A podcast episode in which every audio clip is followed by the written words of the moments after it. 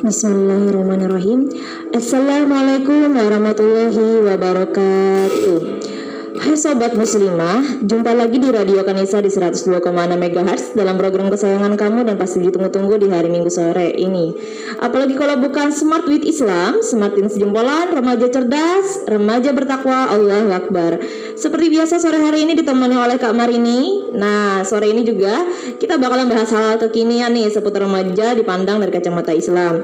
Sebelumnya, marilah kita panjatkan puji dan syukur kita kehadirat Allah Subhanahu wa taala yang telah melimpahkan rahmat, taufik dan hidayahnya kepada kita semua sehingga kita masih diberi kesehatan kesehatan Islam dan nikmat iman. Salawat serta salam tak lupa selalu tercurah kepada baginda Rasulullah SAW beserta keluarga, sahabat dan pengikut beliau yang sampai saat ini masih istiqomah dalam memperjuangkan Islam secara kafah. Seperti yang sudah disebutkan sebelumnya, sore hari ini kita akan membahas hal-hal kekinian nih seputar remaja seperti biasa. Jadi jangan cuma sekedar dengerin aja dan jangan malu-malu untuk mengungkapkan pertanyaan, mau komen, kasih pendapat, kritik maupun saran, bisa dikirim SMS atau WA ke nomor 083143434441 dengan format seperti biasa, mama spasi SWI spasi pertanyaan, tanggapan, kritik maupun saran. Saya ulangi lagi ya nomornya di 083143434441. Nah, tema sore hari ini kita mau bahas soal Hero in My Life. Sore ini juga kamar ini nggak sendirian dong. Di sini kita udah kedatangan tamu seorang pelajar dari salah satu SMK di Kota Palangkaraya yang akan menemani Kak Marini dan semakin semua di ruang dengar Kanisa. Assalamualaikum Kak Lia. Waalaikumsalam Kak Marini. Apa kabarnya sore ini? Baik dan luar biasa. uh, masya Allah banget ya kak ya. Bisa berkesempatan gabung gitu ya di acara sore hari ini. Kita mau ngomongin soal hero yang artinya pahlawan ya nih kak ya.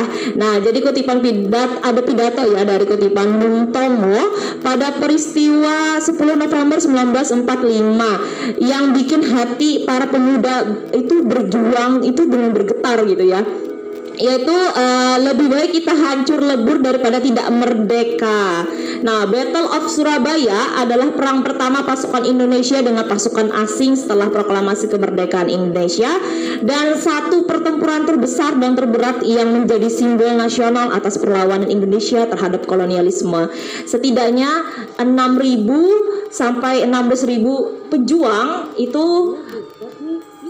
Ribu perjuang itu dari pihak Indonesia tewas dan 200 uh, eh, ribu rakyat sipil rakyat sipil uh, mengungsi dari Surabaya. Korban dari pasukan Inggris kira-kira sejumlah 600 sampai 2000 tentara. Nah, banyaknya pejuang yang gugur dan rakyat sipil yang menjadi korban pada hari uh, 10 November itu kemudian dikenang sebagai Hari Pahlawan Kak oleh Republik Indonesia hingga sekarang. Nah, dari pembahasan singkat mengenai pahlawan sebelumnya, menurut Kakak uh, Kak Lian ya, uh, apa sih makna pahlawan itu?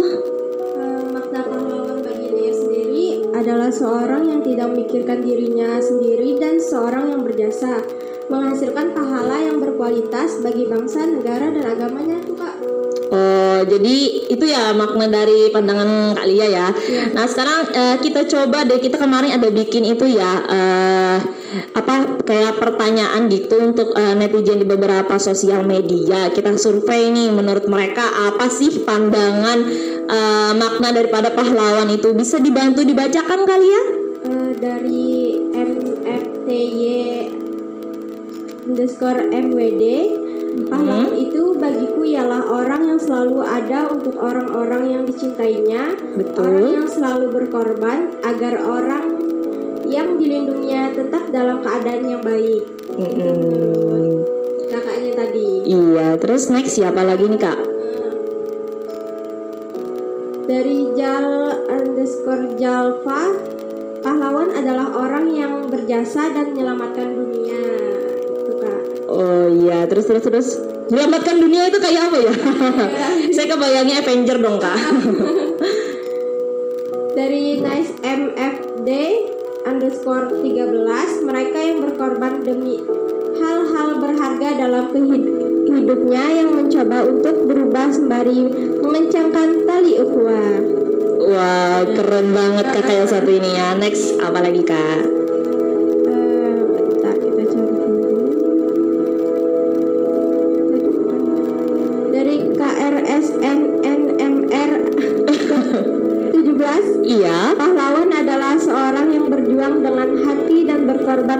Berkorban lewat tindakan hebat.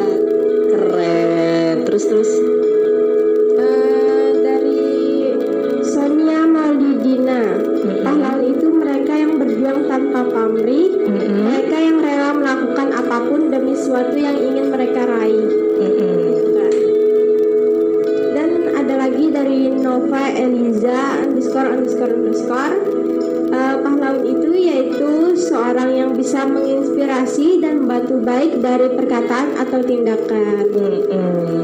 Eh, udah kak. Oh, itu aja ya. Mm-mm. Itu dari Instagram ya tadi teman-teman. Jadi itu ada sahabat-sahabat dari Instagram. Ada yang dari WA kah? Eh, ada kak dari bentar.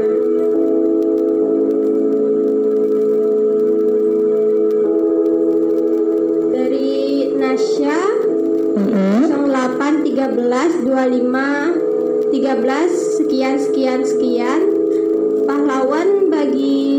Nasya adalah bagi Nasya yang pertama ialah baginda Rasulullah SAW yang memperjuangkan agama Islam yang membawa zaman jahiliyah ke zaman yang terang benderang. Hmm, ada lagi? Oh itu aja ya. Jadi itu dari beberapa teman-teman kita ya yang ada di sosial media.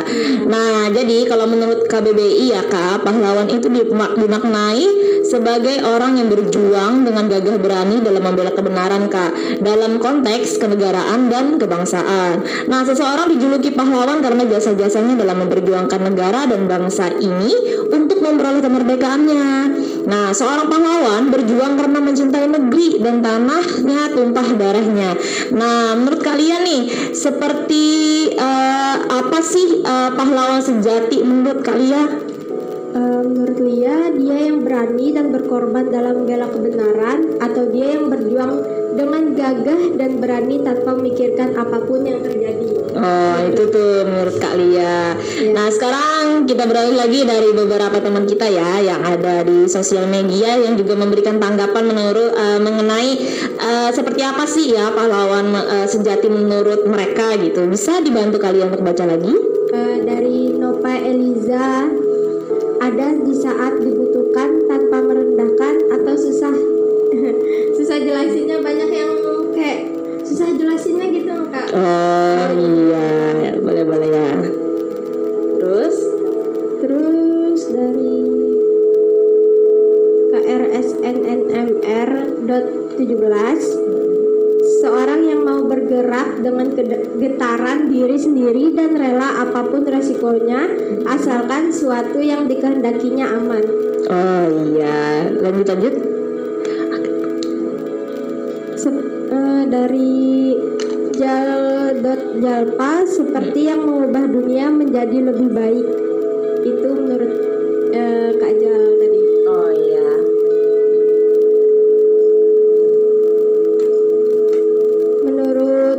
MFTY.MWD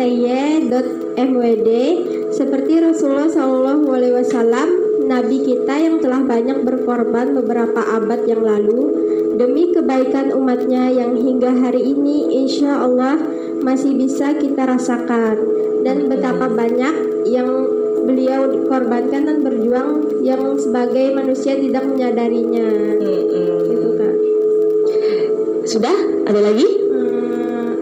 Hmm, ada lagi nih kak dari Nice MFD Mm-mm. dia yang tahu apa yang akan hilang atau resiko yang menghadang atau tahu dirinya tak pernah sempurna namun tetap berusaha menye- menyerukan kebaikan Wow keren banget. Ada lagi? Eh, udah kak Udah. Dari WA ada lagi kak? Dari WA ada? Oh. Jadi itu ya dari beberapa tanggapan teman-teman kita di luar sana tentang eh, apa sih eh, apa pandangan pahlawan sejati tadi ya.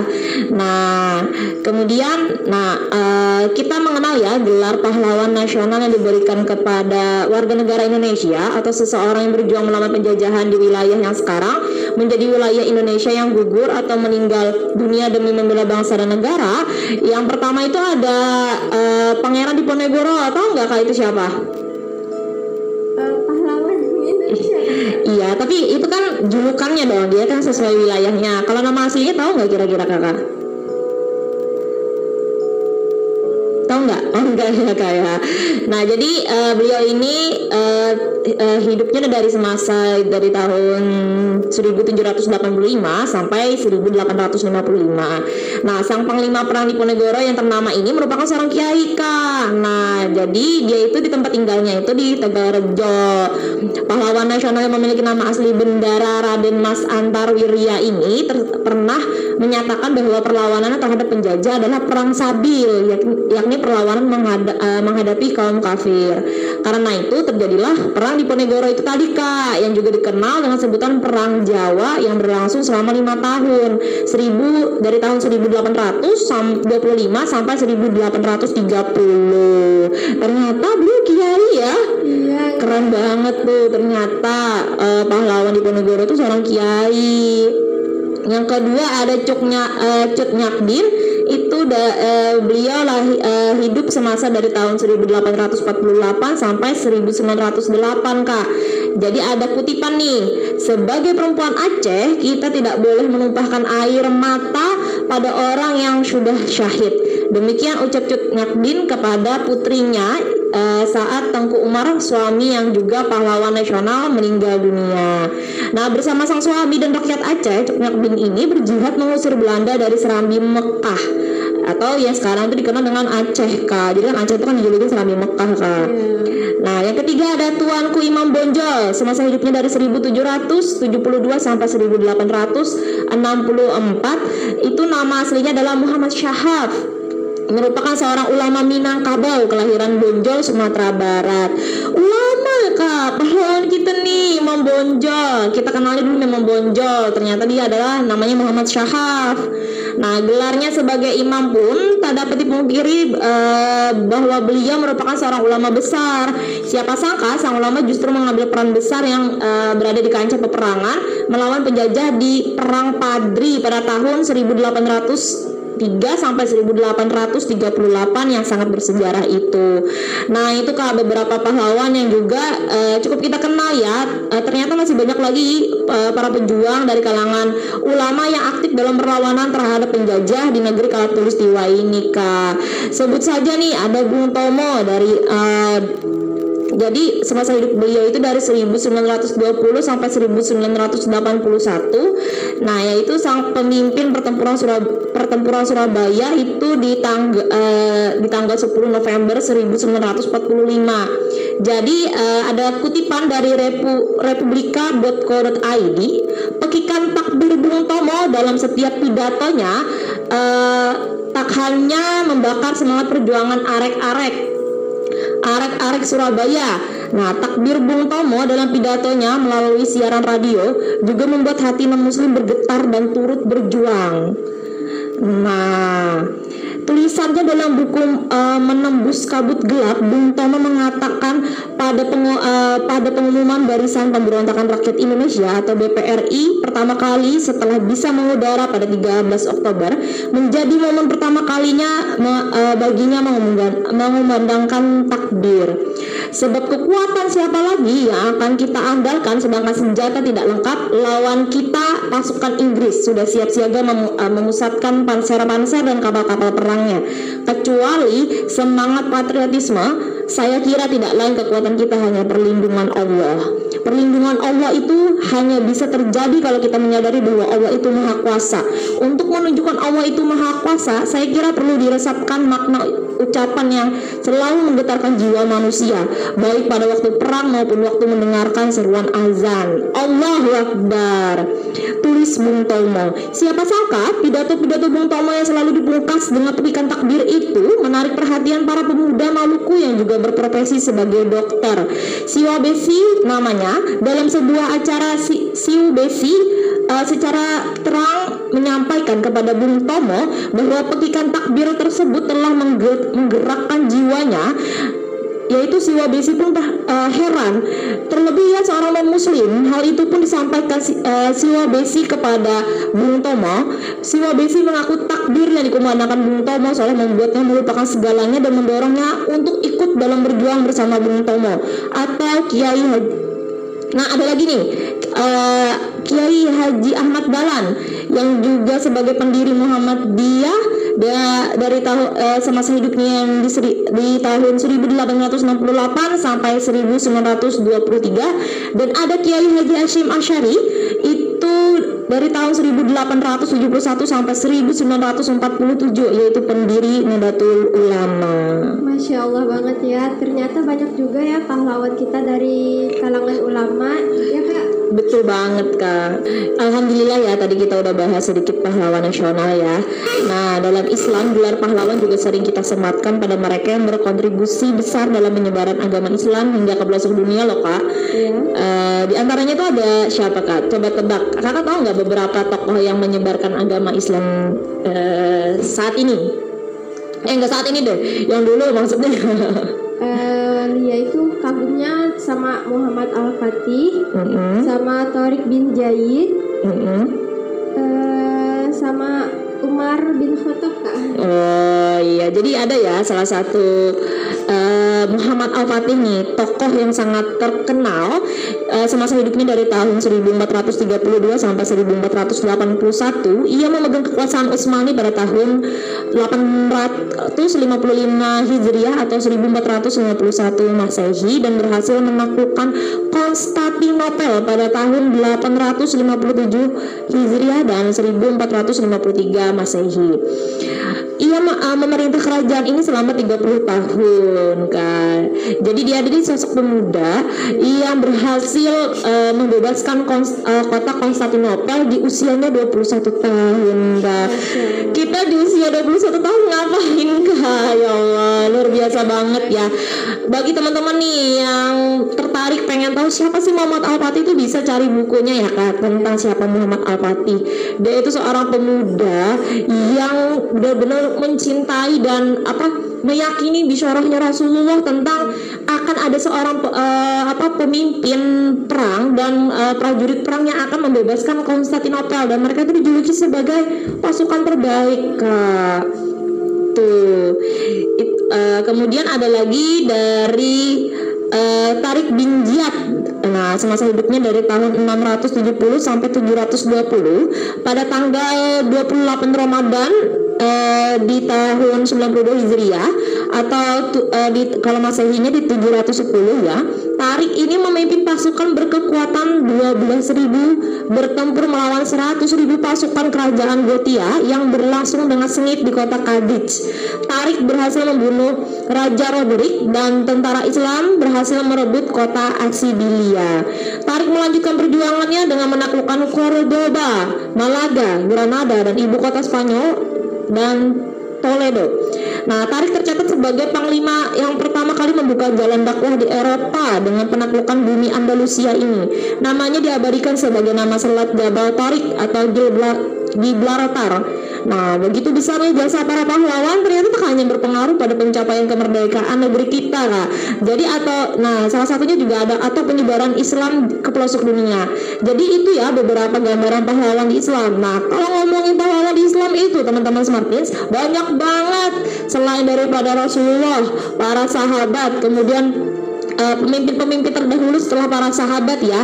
Dan kemudian sampai saat ini itu masih banyak ya uh, pahlawan-pahlawan Islam yang akan terus ada kayak gitu.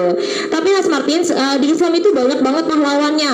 Bisa lah ya baca-baca sejarah Islam lagi biar lebih tahu banyak ya pahlawan di Islam itu siapa aja kayak gitu. Apalagi kita sebagai seorang muslim ya kak ya, ya. Uh, betul banget nih. Dengan ini juga kita harus pro tubuh pro tubuh pro to be muslim apalagi setelah mengetahui perjuangan pahlawan di dalam Islam kalian nih, kalian kan seorang muslim ya, muslim maksudnya. Seperti apa sih pahlawan yang paling berarti dalam hidup Kak Lia dan siapa pahlawan yang paling berarti dalam hidup Kak Lia? Menurut Lia sendiri se seperti Rasulullah Shallallahu Alaihi Wasallam kadang para sahabat lainnya, mm -hmm. Rasulullah Shallallahu Alaihi Wasallam sudah memperjuangkan agama Islam dari zaman kegelapan ke zaman terang benderang. Rasulullah juga tokoh paling berpengaruh dalam sejarah dunia. Rasulullah juga teladan untuk seluruh manusia, Kak. Iya. hanya umat Islam, tapi non Islam juga Iya, jadi untuk seluruh umat manusia ya, teladan untuk seluruh umat manusia. Nah, jadi uh, sekarang kita coba ba- balik lagi buat bacain beberapa um, apa pendapat dari teman-teman kita yang di sosial media. Apa nih menurut mereka tentang siapa sih uh, pahlawan yang paling berarti dalam hidup mereka? Bisa dibacakan, dibantu bacakan kak?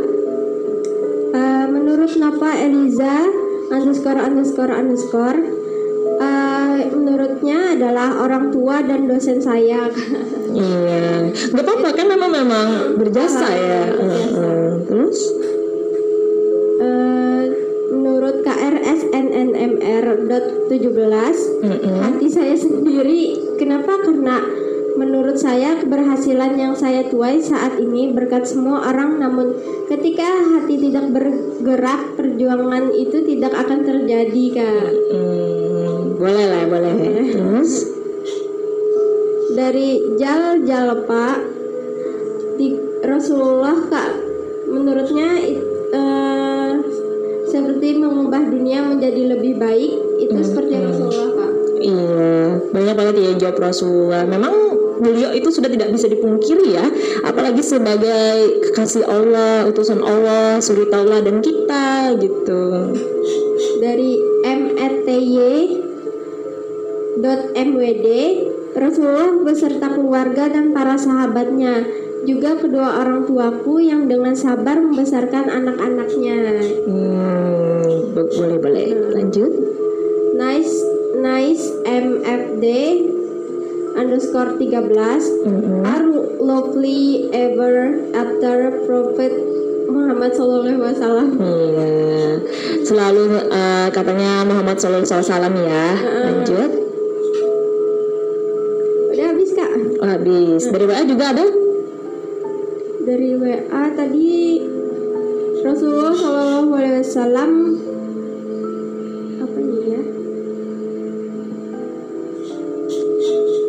kak, dari Nasya tadi ya kak, mm-hmm.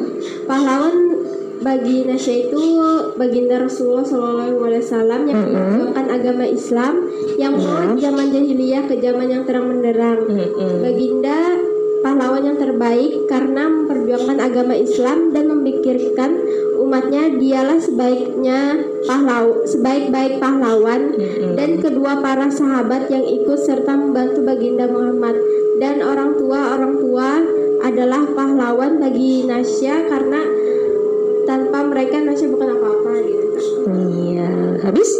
Udah kak ternyata nih ya uh, semakin semua banyak juga nih para pahlawan yang berpengaruh besar dalam kehidupan pribadi kita mereka yang secara fisik membersamai kita dalam keseharian mulai dari kecil hingga sekarang siapa saja mereka yang pertama adalah orang tua. Kita nggak akan nongol nih di dunia tanpa peran besar kedua orang tua kita, terutama bunda tercinta yang sudah banyak berkorban dari mulai mengandung kita selama 9 bulan hingga pertaruhkan nyawanya untuk melahirkan kita. Apa pun akan beliau lakukan demi kita dari sejak balita hingga kita dewasa. Sebagaimana karakter pahlawan, Bunda tak mengharapkan budi balasan atas semua pengorbanan yang sudah dilakukannya. Walaupun kamu dapat memberikan bintang berjuta harta, namun itu semua belum cukup untuk membalas kasih cinta seorang ibu. Begitu juga dengan ayah kita, beban keluarga di pundaknya nggak bikin ayah menyerah berusaha mencari nafkah yang halal dan berkah. Meski harus banding tulang, pergi pergi pagi pulang petang, semua dijalani demi anak dan istri. Sebagai seorang pahlawan, ayah tak pandai merangkai kata mengungkapkan rasa cinta. Ayah lebih memilih diam dan tak banyak berbicara. Namun diam bukan berarti tak punya cinta atau tak peduli dengan hidup kita. Di balik ketegarannya, sebagai seorang pemimpin keluarga, ayah selalu punya cara untuk mencintai dan memperjuangkan hak-hak kita. Untuk membentuk sebuah pasukan yang kuat, aku membutuhkan seribu bala tentara. Tetapi untuk membentuk jiwa yang hebat, aku hanya butuh seorang ayah. Jadi itu adalah uh, pahlawan ada di sekitar kita yang tanpa kita sadari ternyata mereka yang sangat berpengaruh dalam hidup kita kita bisa sampai saat ini udah di mendengarkan radio ini deh pokoknya kalau tanpa mereka siapa lagi? Kayak gitu kan. Kita uh, nama si uh, kelahiran kita itu atas kehendak Allah. Tapi melalui orang tua kita lah kita ada di dunia ini. Kita duduk besar sampai saat ini juga karena orang tua kita. Mungkin di luar sana ada juga yang sudah kehilangan orang tuanya mungkin atau yang kemudian tidak pernah bertemu orang tuanya. Jangan berkecil hati. Tetap kita ada pun karena mereka kayak gitu. Melalui mereka. Mereka lah perantara yang Allah berikan untuk ada uh, kita saat ini kayak gitu. Jadi apa pun keadaan uh, dan situasi tentang ayah uh, ibu kita mereka tetap orang orang tua kita maka kita sebagai anak wajib berbakti kepada mereka Nah, yang kedua, guru-guru kita sebu, uh, sebutan pahlawan bukan cuma untuk mereka yang ikut berperang melawan penjajah ya kak, tapi juga mereka yang dengan sabar dan tabah berusaha sekuat tenaga mencerdaskan kita. Mereka lah guru-guru kita, pemberi ilmu dengan biaya ikhlas tanpa kenal waktu. Peran guru pada kehidupan kita selalu terukir dalam sanubari. Tak terlupakan juga jasa mereka yang telah mengajarkan kita ke uh, pada men yang mendasar ya, kalistung alias membaca menulis dan berhitung saat uh, kita mengenyam pendidikan di sekolah dasar. Begitu juga dengan guru-guru kita di tingkat SMP atau SMA yang sering kita bikin jengkel nih, marah bahkan menangis oleh perilaku nakal kita. Namun mereka tetap bersabar dan terus mengajarin kita loh. Tanpa sadar hidup kita bisa mati kutu dan tak berarti dalam minim ilmu. Karena minim ilmu. Nah, meski era teknologi memungkinkan kita dapat banyak informasi tanpa harus bertanya pada guru, sosok guru bagi kita tetap tak tergantikan. Guru itu yang membangun fondasi ilmu kita sampai kapan pun guru adalah pahlawanku. Ada kutipan, guru yang baik itu ibarat lilin membakar dirinya sendiri dengan menerang orang lain. Ketiga, sahabat. Nah, selain orang tua dan guru, uh, peran sahabat juga tak bisa dipandang uh, oleh sebelah mata dalam hidup kita. Nah, sahabat sering jadi tempat kita curhat. Sahabat sering kita minta bantuan tanpa syarat. Sahabat yang mengingatkan kita saat tersesat dan menguatkan kita untuk tetap taat. Sahabat model kayak gini nih yang layak uh, dikalungi gelar pahlawan dalam hidup kita. Jadi ada kutipan, sahabat itu seperti bintang dia memang tidak selalu terlihat tapi dia selalu ada untuk kamu jadi kalau udah dapat uh, sahabat yang seperti ini itu seharusnya kita bersyukur Allah menggunakan dia sebagai perantara untuk mengingatkan kita untuk tetap taat kemudian dan seharusnya kita pegang erat teman seperti ini bukan dijauhi karena dia menasihati kita ya Nah, jadi itulah Smartins beberapa gambaran pahlawan yang ada di sekitar kita. Masya Allah, sampai terharu nih kak. Yang naruh di sini. Iya. Kalau kita udah ngomongin tentang orang tua, guru, sahabat karena juga mereka adalah orang-orang yang berada di sekitar kita kak. Otomatis kalau kita renungi apa yang sudah mereka lakukan untuk kita itu bahkan untuk membayar mereka itu gak bisa dengan materi ataupun ucapan gak cukup kayak gitu ya kak ya. Selama ini paham makna pahlawan adalah orang yang meninggalkan jejak peju perjuangan besar seperti pahlawan kita yang berjuang meraih kemerdekaan Indonesia ya atau seperti Rasulullah dan para sahabat. Ternyata tidak banyak makna pahlawan bahkan pahlawan itu sendiri ada di sekitar kita aja kak. Iya, jadi banyak banget uh, sahabat-sahabat uh, semakin semua bahwa orang di hidup kita tuh banyak ternyata di sekitar kita itu yang berjasa jadi uh, buat smartin semua uh, jadi uh, jangan apa uh, melupakan mereka gitu jasa-jasa mereka terus kak aku mau nanya gimana sih cara kita menghargai jasa pahlawan kita? Nah, jadi pada peringatan Hari Pahlawan kemarin itu 10 November 1961 Kak saat pidato Insinyur Soekarno berkata lewat pidatonya Bangsa yang besar adalah bangsa yang menghormati jasa para pahlawan. Nah, bentuk penghormatan jasa pahlawan adalah dengan menjaga apa yang telah kita perju eh, telah mereka perjuangkan untuk kita, Kak. Tapi ada nih kak yang namanya Gazul Fikri kak, yaitu perang pemikiran budaya barat yang notabene itu sekuler alias jauh dari aturan agama dalam keseharian. Gencar saat ini tuh menyebar dan berakibat fatal hal di tengah masyarakat seperti gaya hidup seks bebas atau pornografi dan uh, porno aksi yang mengepung remaja kak. Kakak sebagai remaja sendiri merasakan itu enggak kira-kira? Banget banget banget kak. Teman-teman di sekitar gitu ya apalagi seorang pelajar ya yeah. yang memang notabene itu masih mencari jati diri uh, uh, kalau kita bilangnya ya yang maksudnya tuh arus dunia ke mana kita ke mana gitu kan ya makanya. Nah jadi sebagai bentuk kecintaan penghargaan kita pada para pahlawan mari kita tanamkan semangat perjuangan dalam diri kita untuk membebaskan bangsa dan negara dari segala bentuk penjajahan. Awali dengan mengenal Islam lebih dalam dan menguatkan fondasi keimanan yang akan menopang langkah-langkah kita dalam berdakwah. Sebagai seorang muslim, penghormatan kita terhadap orang tua bukan semata juga karena tradisi atau belas kasihan ya, tapi karena memang perintah Allah uh, subhanahu wa taala agar bisa menumbuhkan pahala dan mengurangi dosa. Nah, sehingga dapat masuk surga dan dijauhkan dari neraka. Jadi uh, gini ya, Uh, gak cuman kita deh yang masuk surga kita juga kepengen ya satu surga dengan orang tua kita keluarga kita sahabat-sahabat kita maka uh, memang sudah sepatutnya seorang muslim itu uh, apa? Dengan cara seperti itu tadi dengan bukan karena belas kasihan karena tradisi ketika menghormati mereka ya atau menyayangi mereka gitu. Jadi itu aja gitu nggak ada niatan yang lain kak. Nah, jadi ada dari Abu Umamah yang meriwayatkan bahwa seorang laki-laki mendatangi Nabi Shallallahu Alaihi Wasallam dan bertanya, Ya Rasulullah, apakah hak kedua orang tua atas anak-anaknya? Maka Rasulullah SAW menjawab, mereka adalah jalanmu menuju surga dan neraka. Nah, jadi jasa orang tua merawat kita sewaktu kecil hingga dewasa lalu berkeluarga gak akan pernah terbayarkan oleh bakti kita pada mereka berdua karena itu merawat orang tua itu apalagi yang sudah lanjut usia ya jangan pakai hitung-hitungan. Waktu tenaga harta dan pikiran kita itu untuk berbuat baik kepada keduanya untuk menjadi investasi kebaikan kita juga kelak ketika berkeluarga kak.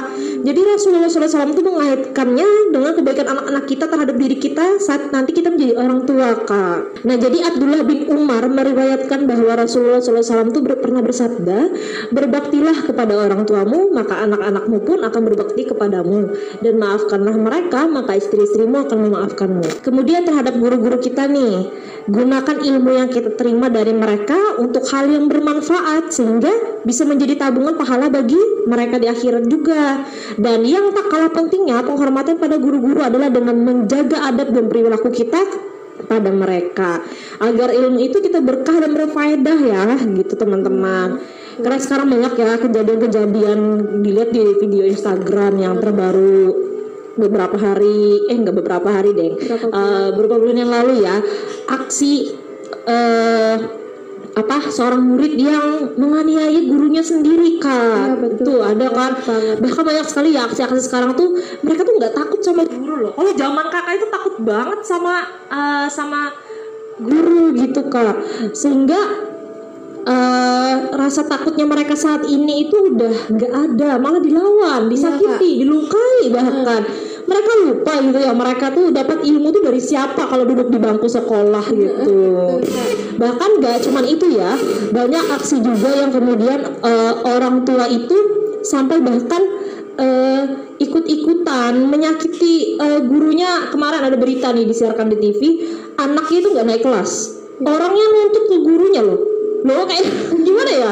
Kalau misalnya anak tersebut itu memang tidak bisa dinaikkan maka harus mengulang untuk mengulangnya itu kan maksudnya agar dia itu paham di untuk kelas dia di standarnya dia itu harus paham ini gitu maksudnya. Ya.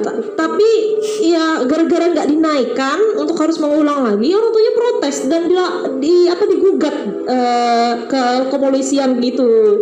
Kan lucu ya zaman sekarang itu ya Allah mereka lupa gitu kan ya jasa-jasa guru yang sudah mendidik uh, anak-anaknya atau kita gitu ya kak ya. Dilaporkan ya kak. Iya. Nah kemudian ada seorang ulama uh, Dr. Umar Asyufian Hafizah Hafizahullah uh, mengatakan jika seorang murid berakhlak buruk kepada gurunya maka akan menimbulkan dampak yang buruk pula. Nah, itu hilangnya berkah ilmu yang didapat tidak dapat mengamalkan ilmunya atau tidak dapat menyebarkan ilmunya itu semua adalah contoh dari dampak buruknya. Itu buat smartin semua ya.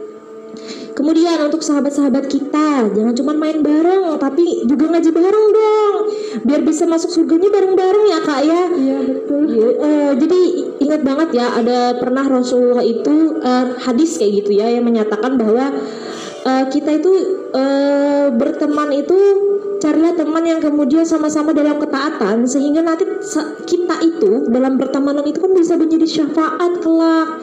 Tuh buat teman-teman yang tadi teman-temannya yang sering menasehati yang mengingatkan kebaikan itu dijaga. Dia bisa jadi syafaat kita loh. Sayang banget kan? Kalau ada yang nasehatin gitu nah kak, kayak dijauhin malah kayak Iya, wajar sih karena dia nggak paham ya. Dan kemudian eh, apa merasa mungkin tersinggung karena itu benar atau tidak sesuai dengan apa yang dia pikirkan. Wajar dia ada penolakan seperti itu. Tapi buat Smartin yang dengan hari ini, yuk kita rangkul teman-teman kita yang tadi sudah berbuat baik, datangi dia.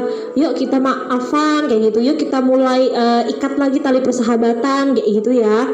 Nah, jadi ada Imam Syafi'i itu per, eh, rahimahullah itu pernah mengingatkan jika engkau mempunyai sahabat yang selalu membantumu dalam rangka ketaatan kepada Allah, maka peganglah dia erat-erat dan jangan sekali-kali kau lepaskannya. Karena mencari teman baik itu susah, tetapi melepaskannya sangat mudah sekali. Ya, jadi semakin jangan sia-siain kehadiran para pahlawan dalam hidup kita ya, dan kelak jadikan diri kita adalah pahlawan juga untuk orang lain gitu. Jadi pahlawan bagi anak-anak didik kita mungkin atau pahlawan bagi teman-teman dekat kita. Jadi nggak mesti uh, harus manggul senjata dan terjun ke medan perang ya. Kita juga bisa jadi bagian uh, apa orang yang berjasa atau orang yang menjadi pahlawan dalam kehidupan orang kayak gitu. Jadi cukup uh, mengajak mereka juga nih dalam ketaatan dan jauhi mereka menjauhi dari maksiat. Yuk berangkat. Masya Allah banget ya pembahasan hari ini Dari keseruan mengenal pahlawan nasional Mengenal pahlawan Islam sampai pada pahlawan terdekat dalam hidup kita Sampai rasanya terharu banget. Semoga dengan pembahasan ini juga kita semua yang smartin Mampu menjadi pahlawan orang lain seperti yang Kak Madini katakan sebelumnya.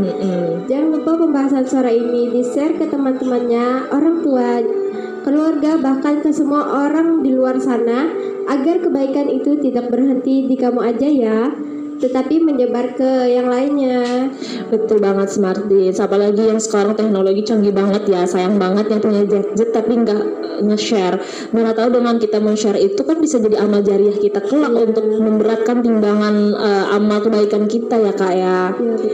Nah alhamdulillah ya udah tak terasa sudah satu jam eh, kita menemani sobat Smartins di ruang dengar sore ini di Kanisa.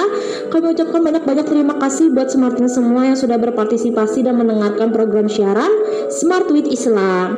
Tak lupa juga ucapan terima kasih yang besar kepada Kanisa yang sudah bekerja sama dengan kita sehingga siaran sore ini dapat terlaksana dengan lancar.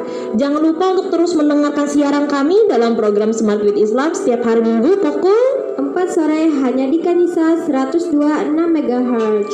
Nah, nantikan tema-tema berikutnya yang pastinya bakalan menarik untuk kita kulik. Kami berdua mohon maaf sebesar-besarnya jika terdapat kekurangan selama siaran tadi dan juga jika ada yang menyinggung Smartin semua, dikarenakan kami hanya manusia biasa. Dan jika ada kebenaran eh, dari apa yang kami sampaikan tadi, maka itu datangnya tidak lain hanya dari Allah Subhanahu wa taala. Akhir kata, wassalamualaikum warahmatullahi wabarakatuh.